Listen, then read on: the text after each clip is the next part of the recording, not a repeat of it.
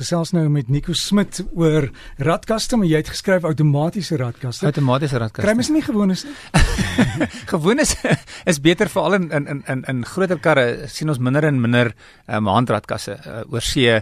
Ehm um, ons natuurlik wat in die res van die wêreld gebeur word uh, ons kry ehm um, daai daai tegnologie en om eerlik te wees in in groot gedeeltes van Suid-Afrika sit mense baie in verkeer so minder en minder handras handradkas voertuie word verkoop. Dis vir my jammer ek hou nogal my kar is handrad en ek hou daarvan om self nog te voel ek is in beheer en 'n idee te hê ek is in beheer. Maar ek ek het 'n vraag gehad oor wat wat is regtig die tipe outomatiese radkaste en en hoe werk hulle net so 'n bietjie hoe hulle dink. So ek wil nie te tegnies praat nie, maar daar's effektiewelik 3 tipe radkasse wat jy in meeste voertuie kry. Ehm um, daar's 'n konvensionele radkas. Ehm um, in Engels praat hulle van 'n torque converter en in Afrikaans kan ons praat van 'n koppelomsitter en dit is ehm um, die ou tipe radkasse wat die aanvanklik was dit die outomatiese radkasse en dit gewerk met twee kom ons dink is amper soos twee waaiers in olie en as jy een waaier draai dan draai die olie en draai die tweede waaier. So met ander woorde die engine in die radkas word verbind met 'n koppelomsitter. En en hierdie tipe radkas is baie baie goed vir sleep.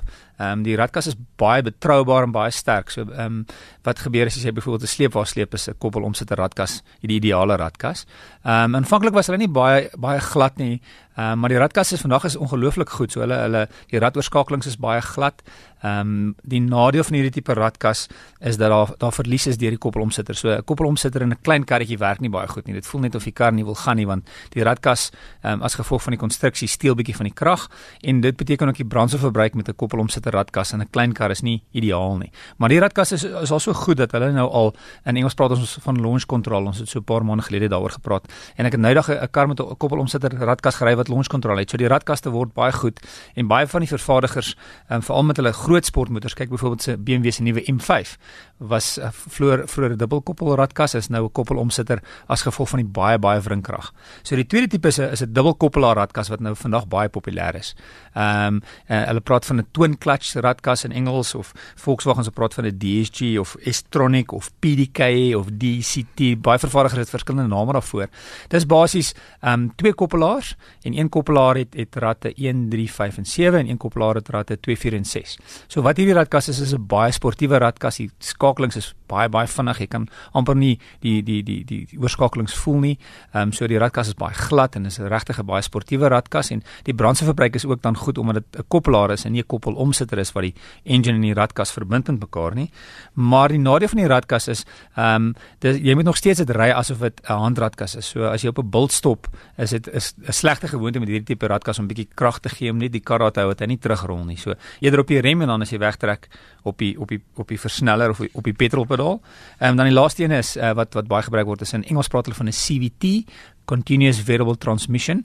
Ehm um, en dit is 'n tipe radkas wat wat wat ehm um, nie ratte eintlik het nie, maar eintlik uh, het het of 'n belt of 'n ketting en dan uh, werk dit soos 'n um, in Engels praat hulle van 'n cone. So dis amper soos 'n as jy in 'n fiets dink in 'n fiets het ratte voor 'n groot rat en 'n mhm. klomp kleintjies en agter ehm um, groot en klomp kleintjies en jy het 'n ketting wat nou op en af beweeg en wat nou gebeur is as jy die die ratte kan vervang voor en dit lyk soos 'n soos 'n Romeise cone en agter en jy het 'n ketting wat dan net op en af skuif. Dis basies die prinsip van 'n van 'n CVT tipe radkas. So die radkas is baie glad. Daar's omdat nie ratte is nie, is dit regtig jy daar jy voel nie enige oorskakelings nie en is vir rustig ry is dit 'n baie lekker radkas, maar is nie 'n baie sportiewe radkas nie. Dit is ook nie regtig ideaal vir sleep nie, maar hy is baie goed vir klein karretjies. So byvoorbeeld Honda en Nissan en Toyota gebruik hom in baie van hulle karre, soos 'n RAV of 'n Qashqai of 'n CR-V, want hy werk baie goed as outomatiese radkas in 'n klein karretjie. So dis jy het nie regtig 'n keuse nie. Jy kan nie regtig na 'n vervaardiger toe gaan en sê luister ek soek 'n ek soek 'n dubbelkoppelaar radkas in my kar. Dis maar 'n geval van hulle sê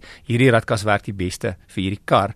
En dan net ehm um, uh, elke radkas sal jy sien het altyd 'n outomatiese D, 'n S en meeste van hulle het 'n M um, verstelling. So D is, is Engels is drive en as jy rustig ry elke dag ry of jy ry op lang pad of jy brandstof verbruik dan sit jy die voet radkas in drive en die drive se funksie is dan om so die ratte so vinnig as moontlik oor te skakel en jou brandstof te spaar. As jy haastig is, jy's laat vir werk, um, dan is jy ry in sport. In sport gaan die ratte langer hou. So hy gaan langer eerste rat hou en eerste rat hou voor hy tweede rat oorskakel en jou petrol jou versneller of jou petrolpedaal is ook meer sensitief. En as jy wil wil self die ratte oorskakel, dan gaan jy na die M funksie en dan het jy nou beheer. Met ander woorde, die kar gaan nie ratte oorskakel as jy as jy dit nie doen nie, behalwe as jy die rooi aan die rooi lyn raak, dan sal die kar self oorskakel, maar as jy 'n baie sportiewe motor het, soos kom ons sê byvoorbeeld 'n McLaren op die resiesbaan, as jy dan in die M radkas rem M mode is, dan gaan hy nie die ratte oorskakel nie, want baie maal as jy so 10 meter van die draai af, ehm um, en jy is op pad in in die remsone en jy wil, of jy's nog pas besig om te versnel en jy wil nie hê die kar moet oorskakel nie, jy wil eerder nog die kar in daai rad hou vir 'n rukkie.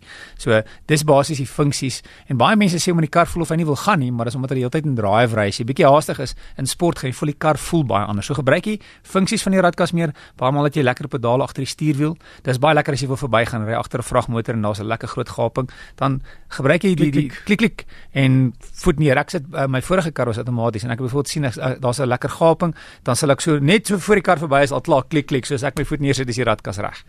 En as jy 'n radmotorkar het, gewone Helsedirektoratet en jy koop outomaties en onthou hy skakel net aan as daai hefboom in 'n sekere posisie is. Dis reg, hy skakel net aan as as jy in P is. Andersins gaan gaan die kar nie aanskakel nie. Nuwe karre is presies dit en die uh, uh, handradkarre vandag as die koppelaar nie in is nie, dan gaan die kar ook nie aanskakel nie. En pas op ook, as jy die eerste keer outomaties ry, daai linkerbeen is baie gevaarlik. Want wat gebeur is, ja, jy soek trap as jy soek die, jy soek die koppelaar. So wat baie maal gebeur is mense ry weg en na rukkie dan sê hulle ek gaan na die koppelaar en trap en dan trap hulle met daai met 'n groot hoeveelheid krag in linker vir die rem en dan ja sit almal ehm um, se neuse teen die sitplekke of teen die teen die Nee, ons weet presies, ons ken daai.